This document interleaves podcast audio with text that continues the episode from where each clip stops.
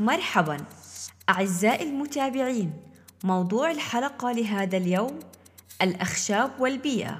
يقدمها محمد الرنتيسي حاصل على درجة الماجستير في تخصص التصميم الداخلي. نحن برعاية طهبوب تجربة منزلية مطلقة. مرحبا. موضوعنا للحلقة السابعة البيئة والشهادات والتشريعات. تعتبر الغابات مورد طبيعي مستدام تساعد الأخشاب على مواجهة أخطار الاحتباس الحراري. تمتص الأشجار ثاني أكسيد الكربون وتطلق الأكسجين في الغلاف الجوي من خلال عملية التمثيل الضوئي.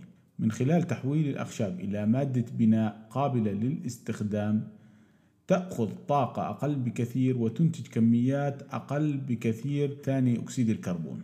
الشجرة في العادة تقريبا أقل مواد بناء تنتج ثاني أكسيد الكربون أو تتسبب في إنتاج ثاني أكسيد الكربون وهذا لأنه الخشب مادة طبيعية ومستدامة.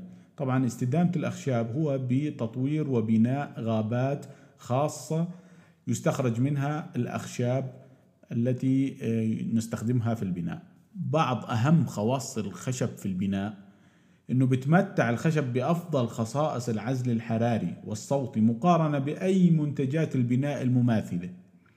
ويحتوي الخشب على أق... على أقل طاقة مجسدة مقارنة بأي مادة بناء رئيسية. الخشب ما بيحتاج لطاقة عالية حتى أقوم بتشكيله حتى يصبح مادة بناء رئيسية، يعني لو جينا للحديد، الحديد بحاجة لصهر وبحاجة لافران حرارة عالية يتم رفع هاي درجات الحرارة باستخدام طاقة عالية جدا حتى يتحول المعدن إلى سائل ثم يسكب ويصهر ويعاد تشكيله وتكوينه لقضبان تصلح لاستخدام البناء.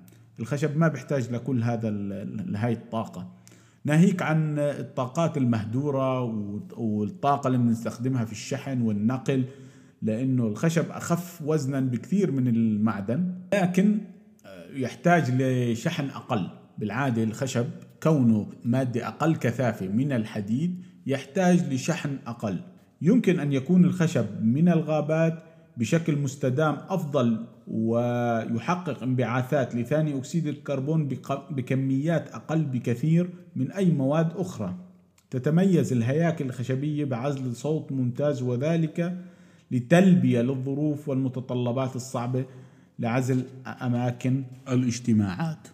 هناك ميزات عديدة للغابات التي يتم استخراج منها آه، قطع وجذوع الأشجار. وبالأخص الفنلندية. تزداد كمية الأخشاب في الغابات الفنلندية كل عام وتعتبر فنلندا دولة مستدامة لإنتاج الأخشاب. أيضا هناك الولايات المتحدة الأمريكية وكندا وروسيا ولا يتم التغول على الثروة الشجرية فيها. كانت عمليات القطع السنوية لفترة طويلة أقل من النمو السنوي في عام 2014 وصل نمو الأخشاب إلى 104.4 مليون متر مكعب سنويا وانخفض قطع الأخشاب إلى 41.5 مليون متر مكعب. لاحظ إذا صار موضوع القطع أقل بكثير من أو من نمو الأشجار. يتكون ما يقارب من نصف حجم مخزون الأخشاب من الخشب الأحمر. والأنواع الأكثر شيوعا هي الخشب الأبيض بعض الأخشاب الأخرى التي تشكل 97% من إجمالي حجم الأخشاب في فنلندا. يتم إعداد خطط إدارة الغابات لزيادة كميات الإنتاج وفقا